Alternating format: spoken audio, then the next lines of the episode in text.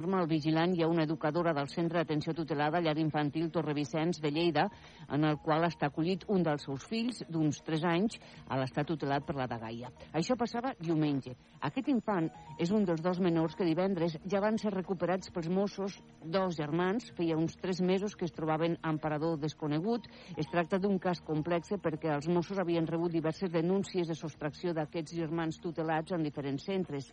Segons publica el diari Segre, sospitaven que la família havia fugit a França i que periòdicament anaven canviant de localitat.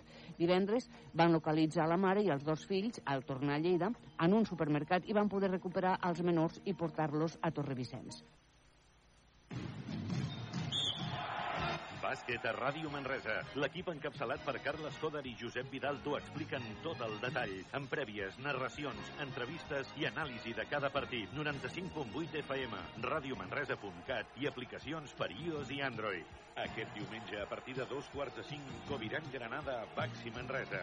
Amb el patrocini d'Equívoc Albert Disseny, la taverna del Pinxo, Expert Joanola Fotomaton, Control, Frankfurt Cal Xavi, GST Plus, Viatges Massaners i Clínica La Dental Doctora Marín.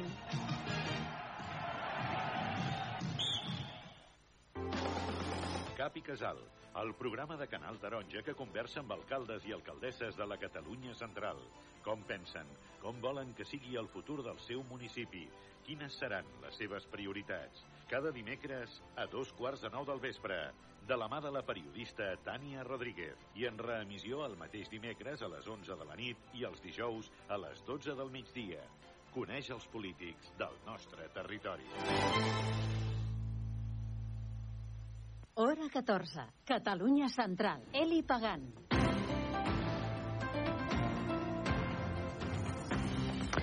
Hola, molt bon migdia. Passen 22 minuts de les dues, hora 14. Tenim sol a la capital del Bages, 11 graus al centre de Manresa, amb una tarda de més sol que no pas al matí, quan teníem aquests núvols alts que enteranyinaven el cel. Per demà dijous, una jornada molt semblant a la d'avui dimecres. Malauradament hem de parlar de sequera. El govern es reuneix demà dijous, reuneix la Comissió Interdepartamental de Sequera per declarar emergència el sistema Ter Llobregat per sequera. 31 municipis de les comarques del Bages, el Berguedà i el Solsonès entraran en situació d'emergència per sequera. El govern reunirà aquest dijous la Comissió Interdepartamental de Sequera per declarar l'emergència al sistema Ter Llobregat i l'executiu preveu que molt probablement s'apliquin en uns dies les noves mesures de restricció d'aigua. La resta de Catalunya central seguirà en fase d'excepcionalitat. Els embassaments d'aquest àmbit han caigut per primera vegada per sota dels 100 hectòmetres cúbics el llindar marcat per declarar la primera fase d'emergència, segons el Pla Especial de Sequera. Les reserves estan ara al 16,3%, però la previsió és que en els propers dies baixi del 16, segons la portaveu del govern, Patricia Plaja, que explicava que la situació crítica ha forçat aquesta reunió extraordinària de dijous on es valorarà l'escenari i es decretarà l'emergència les altes temperatures de la setmana passada, encara les del principi d'aquesta setmana, van tenir desgraciadament un impacte rellevant en l'estat dels de embassaments i va fer que es produís un decés un descens pronunciat més propi de, de la primavera que no pas de l'època de l'any on estem ara, que hauria de predominar el fred i veieu que no, no està passant. Així doncs, data assenyalada en el calendari, dijous, reunió extraordinària de la Comissió Interdepartamental de, de Sequera i amb molta probabilitat, ara sí, l'entrada en emergència serà una realitat els propers dies amb totes les variables i restriccions i mesures que això comporta. Quan això passi, tal i com s'ha vingut fent els darrers mesos es donaran instruccions clares, instruccions concises de manera continuada i per tots els canals oficials sobre el que això comporta pel conjunt de la població, però també pels diferents àmbits i pels diferents sectors. L'escenari d'emergència és el més dur dels 5 que té el pla de sequera, però de moment entra en la primera fase de les 3 que es contemplen. En línies generals es preveu un topall màxim de 200 litres per persona i dia, dutxes obertes però menys consum a les instal·lacions esportives, prohibit reomplir les piscines privades, com ara d'hotels, càmpings o balnearis, i pel que fa a l'espai verd, es poden regar els arbres amb aigua que no competeixi amb l'aigua potable, és a dir, aigua freàtica o regenerada de Salvadora, entre altres.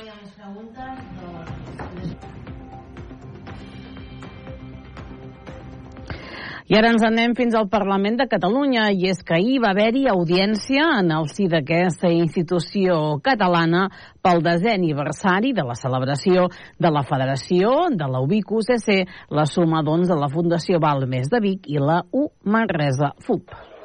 La presidenta del Parlament de Catalunya, Anna R., va oferir una audiència dimarts al migdia amb motiu del desè aniversari del pacte federatiu entre la Fundació Universitària Balmes i la Fundació Universitària del Bages, que va donar lloc a la Universitat de Vic, Universitat Central de Catalunya.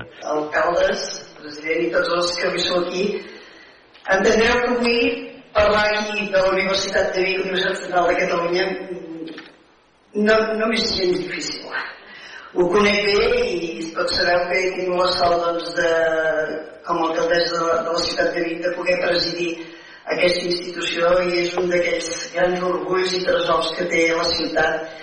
I evidentment doncs, és un honor veure com mentre formes part doncs, d'aquesta doncs, família de la Universitat, Universitat Central de Catalunya doncs, va creixent aquest projecte aquesta audiència es va fer en el dia en què es complien els 10 anys exactes de la signatura de l'acord, que va formalitzar-se al mateix Palau del Parlament el 30 de gener de 2014. Doncs efectivament, com sabeu avui, eh, és el, fa exactament 10 anys de, que aquí mateix, al Parlament de Catalunya, s'assignava l'acord federatiu entre la Fundació Universitària Balmes i la Fundació Universitària Bages, que donava lloc a la Universitat de Vic Central de Catalunya. Va ser el fruit de l'esforç de moltes persones, va ser la culminació de molta feina feta amb generositat, amplitud de mires i, sobretot, visió de futur.